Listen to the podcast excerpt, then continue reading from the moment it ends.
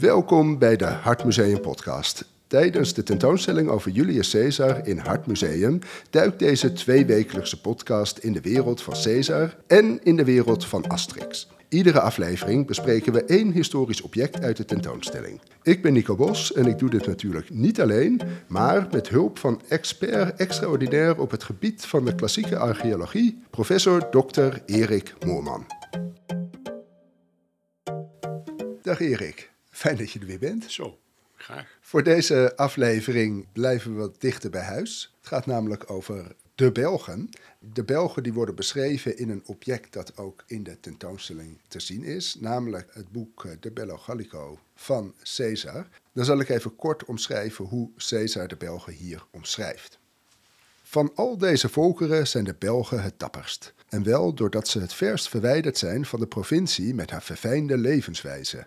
Bij hen komen het minst vaak handelaren om goederen te importeren die tot verwekelijking leiden. En ze zitten het dichtst bij de Germanen, die aan de andere kant van de Rijn wonen, met wie ze in voortdurende staat van oorlog verkeren. Tot zover Caesar over de Belgen.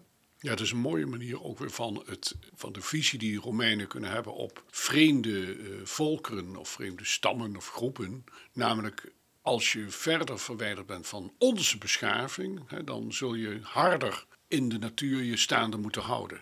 Het woord verwekelijking dat er gebruikt wordt, geeft dus aan dat wij, want hij schrijft vanuit zijn perspectief natuurlijk als Romein, die die cultuur allemaal wel hebben, hebben daar last van. Want wij maken gebruik van luxe, luxe artikelen en van luxe spullen en leven in een relatieve luxe. En luxuria, dat is het Romeinse woord voor weeldezucht, dat was eigenlijk helemaal verkeerd. Maar ondertussen leefden ze daar wel in. Hoe dan ook, die Belgen worden gezien als degene die binnen dat Gallië waar die mee te maken heeft, natuurlijk omdat ze in het noorden wonen, het verste wegzitten van die Romeinse wereld, die dus in de Provence begint al. Er is nog een element bij, waarom deze mensen zo bijzonder zijn, dat is omdat ze eigenlijk voortdurend oorlog voeren. En dat is in dit geval, natuurlijk in dit boek, strijd een belangrijk aspect is, of het allerbelangrijkste aspect, dat dit dus duidelijk getrainde troepen zijn, die gewend zijn om zich te verzetten tegen vijanden. En die Germanen, dat is dan wel helemaal het allerergste, want die zitten dus helemaal aan de oostkant van de Rijn. Dat is, dat is nog meer barbaars dan de westkant. Uh, die Germanen zijn dus nog erger eigenlijk. En daardoor ten dele zelfs nog moediger ook. Caesar heeft dit ook nodig om later natuurlijk te kunnen zeggen. En toch is het mij gelukt om deze lui onder de duim te krijgen. Caesar die heeft natuurlijk de Germanen verslagen. Hij heeft de Belgen verslagen. Ja. Zou hij ze ook dapper hebben genoemd als hij ze niet had verslagen? Dat zou ook nog wel kunnen zijn geweest. Het is, eh, nou is uiteindelijk zijn al die volkeren die erin behandeld worden, uiteindelijk onder de duim gekomen, of onder zijn laars. Het lijkt erop dat hij 100% eh, overwinning heeft behaald, maar dat is natuurlijk niet waar. Hij zegt ook wel trouwens dat er nederlagers zijn geweest. Maar uiteindelijk zijn ze allemaal verslagen, ja. En de uh, grens tussen nou, de Belgen en de Germanen, dat is duidelijk. Dat was dat de is Rijn. de Rijn, ja. Ja, maar was er ook een duidelijke scheiding tussen de Belgen en de overige Galliërs? Dat is moeilijk te maken. Er zitten wel kaarten waarop, waarop heel veel van die stammen worden aangegeven, maar nooit met precieze grenzen. Hoe dat precies loopt, weten we ook niet. Voor een deel waren dat ook nomadische groepen, die dus niet echt het systeem hadden van een stad met daaromheen dorpen of wat dan ook. Uh, want dat geldt wel voor dat hele Gallische gebied. Dus die precieze organisatie is niet helemaal duidelijk. En daardoor is ook moeilijk uit te maken hoe precies die groepen zich verdelen over dat Frankrijk. Wat wij dan Frankrijk en België noemen. En ten noorden van de Belgen, had je daar de Bataven? Nee, die Bataven komen wat later. Die komen juist pas tegen de tijd van Augustus. En dat is wel een interessant punt, want voor mijn collega Nico Roymans is dat ook een van de ja, motieven geweest om te denken aan een uitroeiing van die Gallische of Belgische stammen. En eventueel zelfs die bij uh, Germaanse stammen die dan in de Betuwe terecht waren gekomen. Op een zodanige wijze dat het een, tientallen jaren duurt voordat er eigenlijk weer bewoonbaar gebied is. En uh, voordat zich ook weer groepen durven en kunnen vestigen in, in dat gebied. Hè. Doordat er in de archeologie, hè, zeg maar in de bodemarchief, een hiatus tussen materiaal dat te maken heeft met die oude Galliërs, zeg maar even in de ruimste zin, en Belgen Wat allemaal zo rond 50 lijkt op te houden. En dan nieuwkomers die allemaal zo 30, 20 voor Christus beginnen te komen. Wanneer overigens de Romeinen opnieuw ook naar het noorden meer activiteit zullen uitoefenen. Met bijvoorbeeld de stichting van Nijmegen.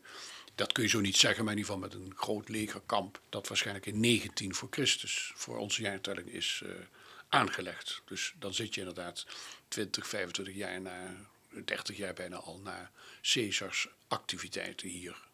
Maar in Caesars tijd waren wij, en dan heb ik het over, even over Nederland, wij waren nog Belgen. In het zuidelijke gedeelte wel, in het noorden zullen het ook vooral Germanen en ook misschien al Friezen zijn geweest. Is over de Friezen nog wat bekend? Er is over latere tijd wel het nodige bekend dat die ook altijd in handelscontacten met de Romeinen zijn geweest. En dat er ook nederzettingen waren die met boerderijen, het waren vooral eh, boeren die een soort terpen aanlegden in een waterrijk gebied. Dat is iets wat ook later door Romeinen wordt beschreven. En wat we archeologisch ook kunnen, kunnen zien. Hè. Dus wij juist ook nu nog in Groningen en Friesland en ook nog in het aangrenzende Duitse gebied wierden of terpen zijn. Zijn ook vaak al nederzettingen geweest die teruggaan tot eerste, tweede, derde eeuw van onze jaartelling zouden wij dan ook dapper zijn geweest. Maar goed, dat waren dus de Belgen tot de rivieren en daarboven Germanen. Nou ja, die waren ook dapper, maar heel barbaars. En dan had je dus de Friese en die, uh, het waren vooral handelaren. Ja, op een gegeven moment in die keizertijd wel. Ja. Misschien hebben die ook wel hard gevochten, dat weten we niet zeker. Nou ja, wie weet wordt dat nog eens een Asterix-strip, Asterix en de Friese. Ja. Dat zou goed kunnen. Ze, ze, worden nog steeds gemaakt Ja, natuurlijk. dus dat zou een mooi thema kunnen zijn. Het gaat eh, deze keer natuurlijk over de strip Asterix en de Belgen. En het gaat ook precies over dat uh, citaat van Caesar, dat jullie net hebben gehoord. En dat is uh, onze Gallius ook ter oren gekomen. Dat Caesar de Belgen het dapperste volk vindt. Nou, daar zijn ze het natuurlijk helemaal niet mee eens. En ze gaan eens een kijkje nemen bij hun noordenburen. Ze komen een uh, groep Belgen tegen. En uh, ja, wat je vervolgens eigenlijk de hele strip, strip ziet, is dat ze een wedstrijdje doen. Uh, wie het meeste. Armpje drukken of zo. Ja, alleen dan in de vorm van Romeinse legerkampen tot puin slaan. En aan het eind moet Caesar dan bepalen wie de dapperste is. Als Caesar zoiets opschreef van nou de Belgen zijn het dapperst Kwam dat dan door bij de Belgen? Nou, dat is onbekend. Waarschijnlijk niet. Dat boek is natuurlijk bestemd voor een Romeins publiek. Tussen die stammen bestond ook wel rivaliteit en ook oneenigheid. En dat beschrijft Caesar trouwens zelf ook voor een deel. Dat speelt hij ook uit natuurlijk. Dus in die zin zou je kunnen zeggen, dit is een, natuurlijk op speelse manier, als het ware, een rivaliteit tussen twee van die stammen. En dan kan hij lekker laten, gaat hij er niet tussen zitten. Ja, misschien dat jammer dat dat kamp en dan wordt getrapt. Maar verder, laat ze elkaar maar eventueel, nou, afmaken. Dat gebeurt natuurlijk niet in zo'n lief verhaal, maar elkaar maar eventueel vernederen en speldenprikken geven. Dan hoef ik het niet meer te doen. In deze strip eigenlijk al die verschillende Belgische stammen, die zijn bij elkaar aangesloten als één grote groep Belgen. Ze stellen zich ook op een gegeven moment allemaal voor. Ja, ze hebben uh, prachtige Belgische namen natuurlijk. Maar hier zitten ze dus allemaal bij elkaar in één grote Belgische legermacht. Ja, voor zover die bestaan heeft, dat kan best. Die stammen die verenigden zich ook. In de strijd tegen Caesar zien we wel dat hij het ook heeft over combinaties. Maar meestal heeft hij het over aparte groepen die dan op dat moment worden aangegrepen door zijn troepen. Dus dat lijkt dan dat het niet altijd in samenspraak ging. Tegelijkertijd weten we natuurlijk ook dat een paar grote leiders proberen die stammen allemaal dezelfde kant uh, op te krijgen en samen te laten werken. De rivaliteit onderling, waar je het net ook over had, die komt hier vooral tot uitdrukking tijdens een van de vele feestmalen waarbij twee Belgische leiders vechten om het grootste stuk ja. vlees. Ja, dat is dan misschien symbolisch. Ja. Trouwens, dat schransen wat die Belgen in die strip doen, is daar nog enige historische... Nee, ik denk dat dat ook weer een beeld is dat uh, misschien voor Fransen, dat Belgen misschien geen culinaire hoogstand hadden, maar wel veel aten en bier dronken. Terwijl we weten dat Belgen heel goed kunnen koken en een fantastische keuken hebben, keukens hebben.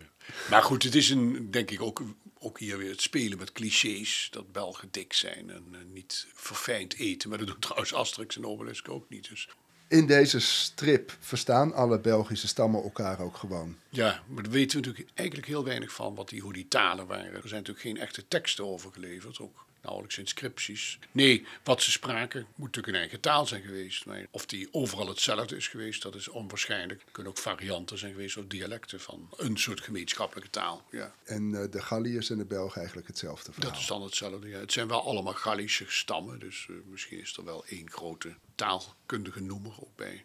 Het eind van de strip komt Caesar zelf naar België toe.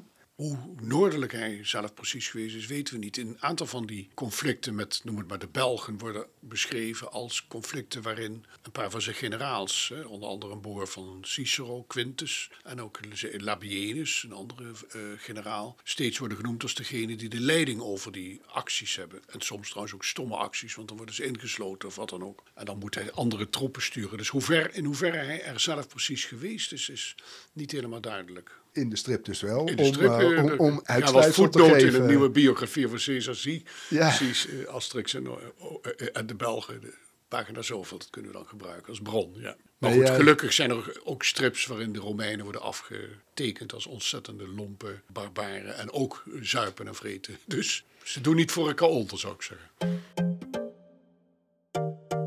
Hoe Caesar over de Belgen dacht, dat kun je natuurlijk eh, nalezen in de Bello Gallico, die hij zelf heeft geschreven. Maar hoe dat in Asterix wordt behandeld, de Belgen, klopt dat? beetje wel. Ze worden in ieder geval als vreemd, ver afstaand van de Romeinen gezien. Maar ook grappig genoeg ver afstaand van onze Gallische vrienden. En dat laatste, dat kun je afvragen of dat een goed idee is geweest. Moet natuurlijk voor het verhaaltje, dus, eh, dus ik vind het uitstekend. Maar daar zou je dan, als je streng bent, kunnen zeggen... nou, of die twee groepen nou zoveel van elkaar verschild hebben, dat is maar de vraag. Nou ja, ze verschillen hier ook niet zo. Ze houden allemaal van eh, lekker eten. Ja. Ze verstaan elkaar. Ze hebben allemaal veren op hun helm. Ja, ze lijken ook Ze lijken toch op wel elkaar. tegelijkertijd ook met elkaar, ja. Wat, eh, wat doen we? Duimpje omhoog, duimpje naar beneden. Of ertussenin, zou ik het zeggen. Ertussenin. Ja. Duimpje horizontaal. Ja. Excuses voor dit slechte geluid ineens, maar ik wil jullie toch laten weten wat er deze maand naast de Julius Caesar tentoonstelling nog meer te doen is in Hartmuseum. Zaterdag 24 februari om 11 uur de lezing Julius Caesar komt naar Amsterdam door kunsthistoricus Karin Braamhorst in samenwerking met de Vrije Academie. Zaterdag 9 maart om 3 uur de lezing Een nieuwe kijk op Romeinse vrouwen door Emily Hemelrijk, emeritus hoogleraar oude geschiedenis aan de Universiteit van Amsterdam. Zondag 10 maart om 3 uur in de kerkzaal van Hartmuseum. Een optreden van de zeer talentvolle sopraan Josefina Hoogstad in samenwerking met Classic Young Masters. Meer informatie over al deze activiteiten op hartmuseum.nl onder activiteiten. Dat was het. Valete en tot over twee weken.